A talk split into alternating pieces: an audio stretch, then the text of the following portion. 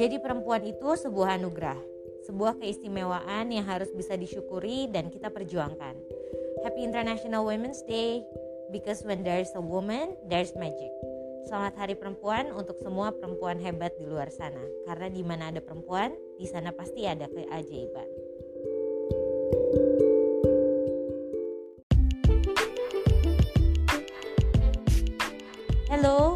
Are listening to Podcom, podcast Putri Komarudin yang akan bahas banyak hal dan tentunya bisa jadi teman kamu dalam segala situasi. Halo teman-teman golongan putri. Jadi gimana sejauh ini tahun 2022-nya? Sudah mulai melakukan sesuatu kah demi tercapainya wishlist kalian? Atau jangan-jangan masih belum bisa move on sama 2021? Jangan gitu, mumpung kita masih muda dan masih punya kemampuan untuk bisa pakai tubuh dan energi kita untuk melakukan apa yang kita suka dan kita mau, ada baiknya kita memanfaatkan sebisa mungkin untuk jadi investasi hidup kita di masa nanti. Jadi jangan sampai ya kalian masih stuck dan justru nggak bisa move on dari tahun 2021. Anyway, podcast kita hari ini sangat spesial karena untuk memperingati Hari Perempuan Internasional yang jatuh pada 8 Maret, hari ini aku nggak sendirian karena ditemani sama salah satu tokoh inspiratif kita semua. Beliau merupakan salah satu perempuan yang berhasil membuktikan bahwa perempuan itu bisa menjadi pemimpin dalam bidang apa pun. Nah, siapa lagi kalau bukan Kakak Mutia Hafid. Ketua Komisi 1 DPR RI periode 2019 sampai 2024 yang juga membawahi bidang pertahanan, luar negeri, komunikasi, uh, informatika dan juga intelijen. Halo Kak Mutia. Aneh banget. Ya? Aku mau bicara. Oke. Okay. Kak Mutia sibukannya sekarang apa aja selain memimpin Komisi 1? Uh, sepeda lagi dikurangin karena omikron lagi tinggi. Hmm. Jadi selain komisi partai udah put itu aja. Oh iya dengar-dengar kemarin kakak menjadi pasien covid. Iya terus karena kemarin kena covid jadi udah dua minggu sendiri aku sih lumayan negatifnya 10 hari dari pertama gejala. Aku masih batuk ya put? Enggak. Tapi uh, dokter waktu itu nyaranin harus 14 hari off jadi 14 hari off sendiri itu. Nah ini baru mulai aktif lagi nih komisi satu. Kemarin kita sempat lockdown terus uh, sekarang mulai ngejar rapat-rapat ada rapat dengan ibu Menlu kemarin. Uh, ada beberapa PR juga put uh, kerjasama apa ratifikasi kerjasama jadi akan rapat lagi dengan Pak Menhan dalam waktu dekat. Macam-macam deh. Undang-undang undang-undang perlindungan pribadi yang belum selesai dan juga sedang dilakukan uh, apa TNI juga ya um, peran TNI dalam COVID uh, juga salah satu isu yang selalu kita bahas. Apalagi ya put? Lucu nih kalau wawancaranya sama-sama temen. Saking saking kebanyakan. DPR enggak terus saking kebanyakan yang diurus ya, karena komisi satu tuh ya uh, topiknya bervariasi sekali. Hmm. kan kita nih mitranya yang pertama Kementerian Pertahanan hmm. dengan TNI tentunya ya kemudian ada Kementerian Luar Negeri isunya juga berbeda kemudian ada Kementerian Komunikasi dan Informatika nah itu juga berbeda sekali uh, kemudian ada uh, Keamanan Laut Bakamla Badan Intelijen Negara juga jadi memang isunya tuh kadang saking banyaknya ini belum termasuk juga kita juga mengawasi lembaga penyiaran publik kita TVRI RRI hmm. Hmm. Uh, eh, LSF lembaga sensor film itu di di kita juga nah karena banyak sekali memang kita bagi-bagi tuh biasanya satu masa sidang mana dulu yang kita kerucutkan gitu karena isunya uh, amat beragam. Kan ini dunianya maskulin banget ya kak berarti. Hmm. gimana tuh kakak rasanya harus memimpin sebuah komisi yang saat tadi tugasnya selain beragam juga ini kan sering di, dibilang pekerjaan laki-laki gitu. Harus apa ya ya tantangannya kerasa sih buat jadi pertama orang meskipun nggak ngomong langsung ya eh kok perempuan jadi ketua komisi sih enggak hmm. tapi hmm. Uh, menyaksikan itu pasti ada terasa ya dari komentar-komentar ucapan-ucapan yang mungkin bercanda tapi kena juga ke hati hmm. gitu ya tapi contohnya gimana kak contohnya uh, yang paling jelek gitu ya biasanya kan kalau perempuan dibilangnya bisa nggak kan kebaperan gitu ya misalnya hmm. terus emosional jadi kalau Hmm. perempuan itu kan selalu dibilangnya Hmm. eh, lebih emosional dan lebih sering baperan gitu. Padahal Hmm. kayaknya laki yang baper juga banyak ya.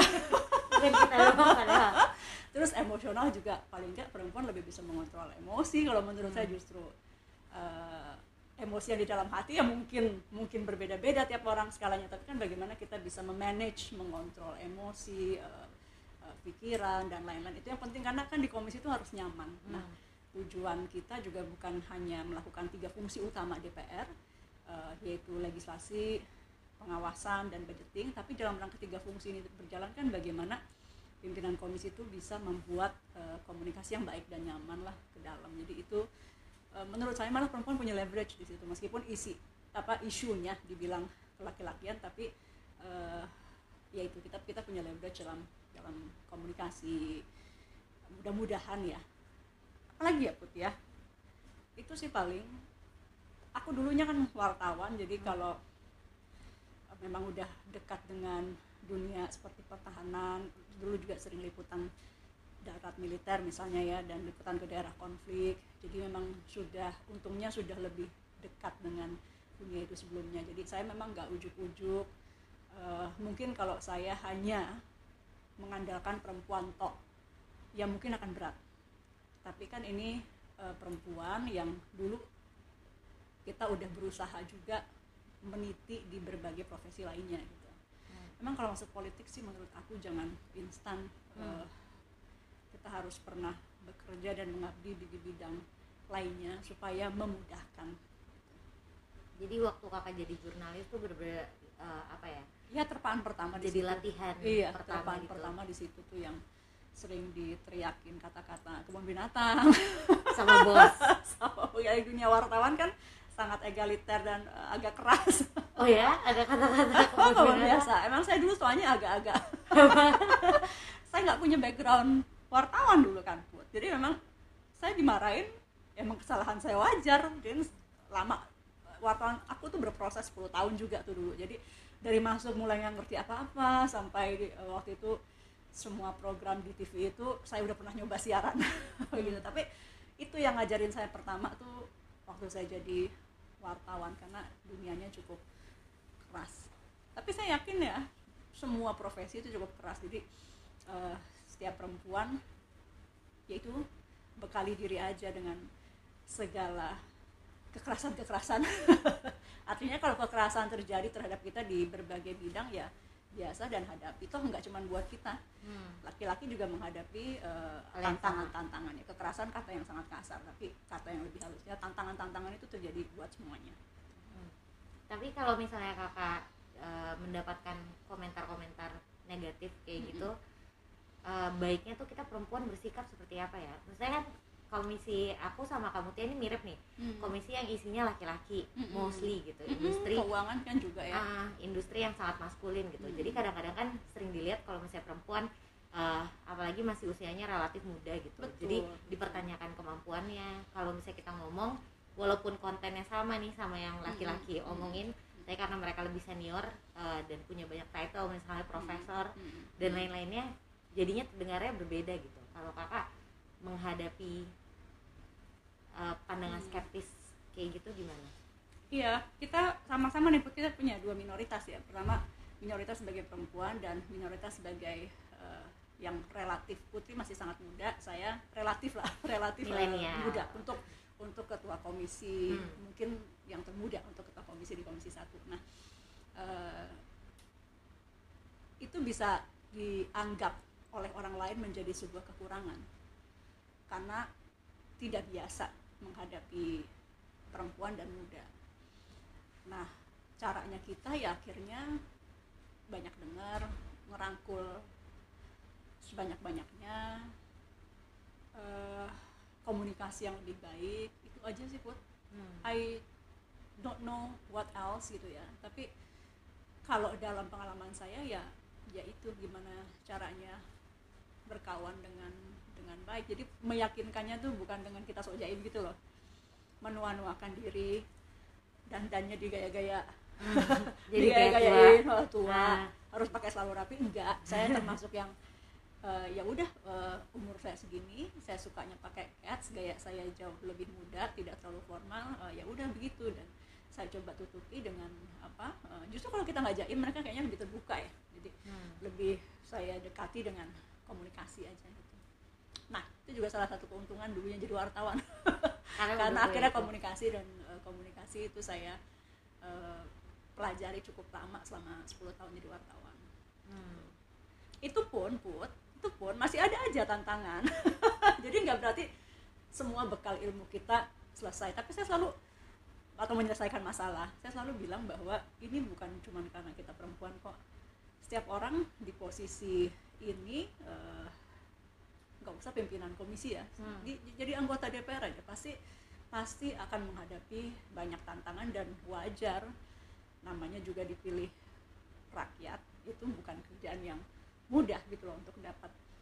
Kampanyenya aja susah. Hmm. kampanye aja berat. Mendapatkan orang untuk mau milih kita eh, di tengah apa namanya em, ketidakpercayaan terhadap politik yang tinggi itu aja udah berat gitu. Jadi itu juga membantu sih Put ketika terpilih kita jadi lebih kuat. Tapi kalau menurut kakak sebagai jurnalis perempuan dan Hmm. politisi perempuan lebih sulit yang mana? Eh, aku selalu bingung kalau Aku Eh, penasaran banget. sekarang tuh di jurnalistik perempuannya udah jauh lebih banyak put dibandingkan aku masuk dulu di tahun 2000 jadi eh, pada ujungnya ketika politik nanti tentu impian kita bersama adalah politik akan diisi lebih banyak dengan perempuan Hmm. bukan lebih banyak dengan perempuan lebih banyak dari yang sekarang dengan paling nggak target target yang kita selalu sebut 30% tercapai di parlemen gitu. ketika sudah lebih banyak jadi lebih mudah put Hmm. gitu loh Hmm. Eh, nah dulu aku waktu di wartawan terasa agak berat juga karena perempuannya masih sedikit di tahun itu Hmm. tapi sekarang kita lihat dong kita buka TV kita buka eh, layar kaca penyiar paling nggak yang kelihatan kasat mata gitu wartawan yang melaporkan dari lapangan itu udah banyak sekali perempuan. Hmm. which is menurut aku sekarang jadinya masuk ke dunia jurnalistik untuk perempuan lebih enak. Ini kan saya putri itu jadi apa ya kita harapkan jadi pembuka jalan Hmm. buat teman-teman perempuan. Semoga mereka nanti ketika masuk ke DPR sudah tidak seberat yang kita alamin gitu loh. Apalagi ya? Ya itu jadi mudah kalau dilihat waktu itu saya sama beratnya jadi jurnalis perempuan karena waktu itu masih sedikit tapi sekarang sudah lebih enak kayaknya kalau jadi jurnalis perempuan di era seperti ini nah, untuk jadi politisi ini yang masih berat karena kita masih amat-amat minoritas Hmm. Tapi menurut kakak sudah sejauh mana sih peran kita sebagai perempuan gitu di dunia politik ini? ya paling enggak lebih banyak perempuan sekarang ya Hmm. Eh, dulu aku nggak ada teman yang muda Karena kakak paling muda kan waktu masuk. iya dan nggak ada temen gitu kalau sekarang kan eh, udah ada kaukus eh, apa anak muda ya Put, ya. Ah.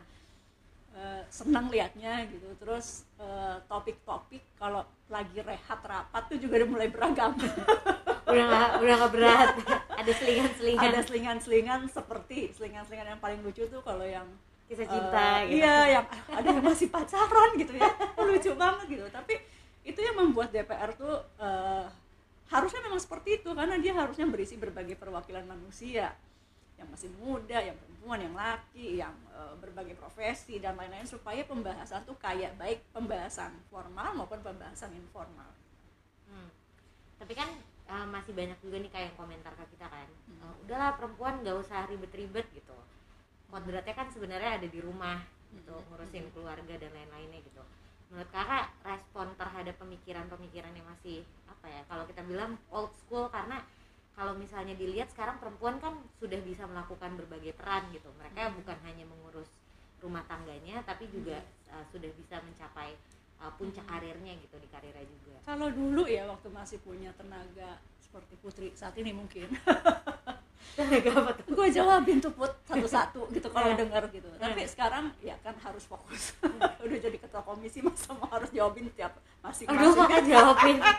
kalau perlu dijawab karena menurut saya itu bagian dari edukasi itu orang gitu loh. Iya, jadi iya, kalau iya. misalnya ada yang itu saya jelasin. Lo nggak boleh gitu kan gini gini gini gini. Pakailah ini contoh di negara mana ina itu ina itu. Tapi lama-lama eh, itu biar putri dan kawan-kawan Yang menjawab. mengerjakannya.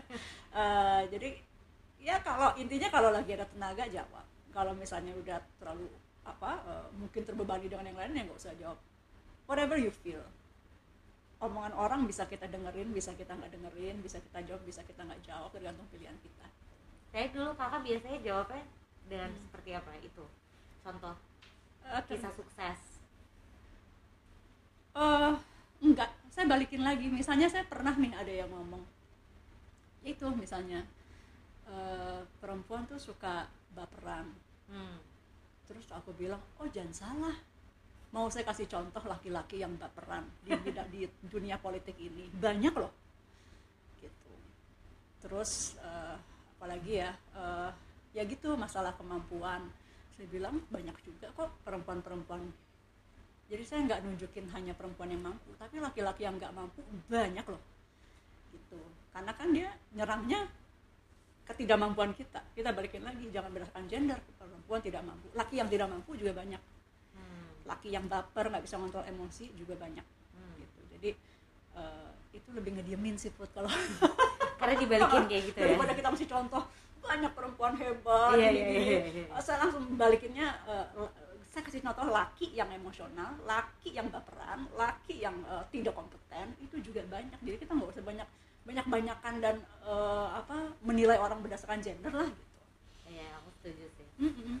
tapi uh, ini kan banyak banget yang aspiring jadi kakak gitu. Maksudnya dengan usia yang relatif muda udah bisa jadi ketua komisi politisi di DPP Golkar juga ketua DPP uh, eh, dan uh, apa relatif bisa menjaga hubungan yang baik antar gender gitu kan. Maksudnya kan kadang antar gender kadang ada anggapan kalau kita misalnya kita uh, outspoken sebagai perempuan nanti hubungannya sama certain gender tuh jadi jelek gitu. Cuman kan di dunia politik kan sudah terbukti kalau kakak uh, ke perempuan oke okay, ke laki-laki juga oke okay, gitu. Jadi uh, ada nggak tips and trick buat generasi selanjutnya yang mau uh, menjadi seperti kakak untuk uh, bisa masuk hmm. uh, ke industri yang penuh laki-laki bukan hanya politik aja gitu. Mungkin sains teknologi yeah. gitu. Jadi uh, ini di luar tentu kalau mau berhasil di segala bidang politik ataupun bidang-bidang lainnya kerja keras paling utama putih dan rajin. Kayak putri ini.